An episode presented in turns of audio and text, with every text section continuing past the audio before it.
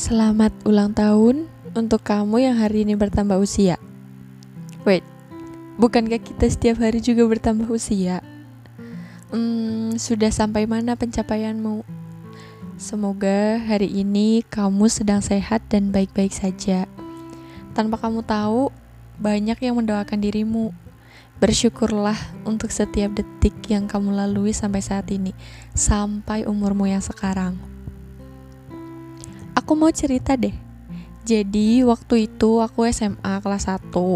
Terus aku main ke perpustakaan yang biasanya buka-buka majalah Trubus. Iya, majalah Trubus. Soalnya banyak gambar buah, warna-warni gitu, aku suka tumben banget waktu itu aku main ke rak buku bagian novel. Ada satu buku yang sampulnya udah kucel, warna kertasnya juga udah mulai menguning. Aku baca-baca tuh sekilas. Wah, kok menarik. Aku pinjem aja kali ya.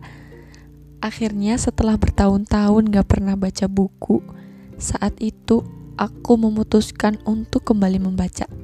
Ya, meskipun modal minjem dari perpus, Buku itu buku seri petualangan, menceritakan tiga orang sahabat yang melakukan tualang antar klan, karya dari penulis besar Indonesia. Saat itu aku mengira dia adalah seorang perempuan, ternyata dia laki-laki. Terelie dengan judul buku Bulan. Yang awalnya aku kira cuma tiga buku, ternyata setelah buku ketiga terbit lagi buku-buku lanjutannya. Nah, setelah si buku dengan sampul tua ini, saya mulai tertarik membaca buku-buku lain. Pukat, serial anak-anak mamak yang ditulis oleh penulis yang sama. Dari seri yang ini ada salah satu cerita tentang kereta yang membuat saya punya keinginan naik kereta. Aku bilang ke temanku, "Eh, aku belum pernah naik kereta. Aku pengen deh naik kereta." Setiap hari aku berangkat sekolah ngelewatin rel, kadang angkotku harus berhenti nungguin kereta api lewat. Enaknya jadi kereta bisa diprioritasin.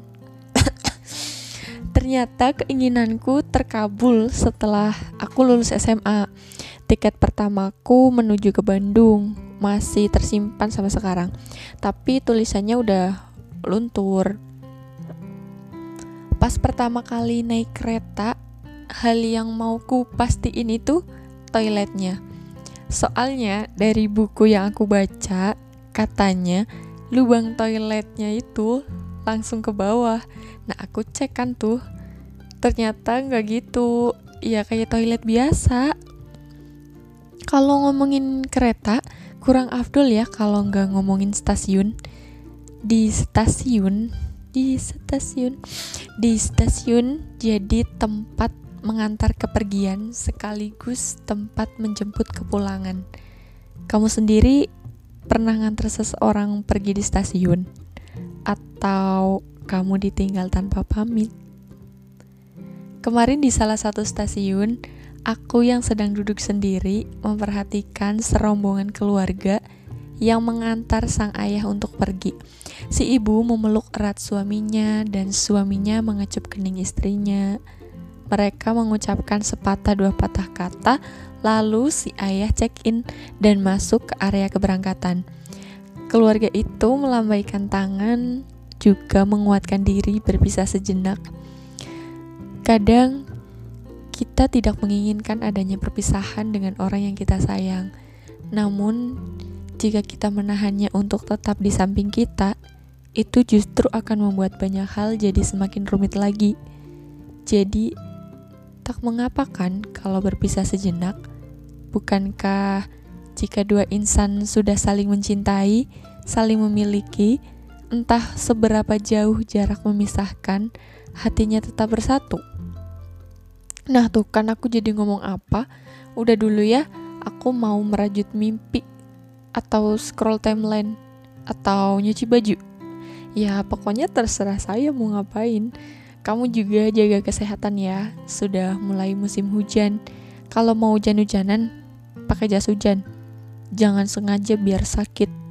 Kalau kamu sakit, kita jauh. Aku tidak bisa menjengukmu. Terima kasih sudah mendengarkan. Sampai jumpa lagi.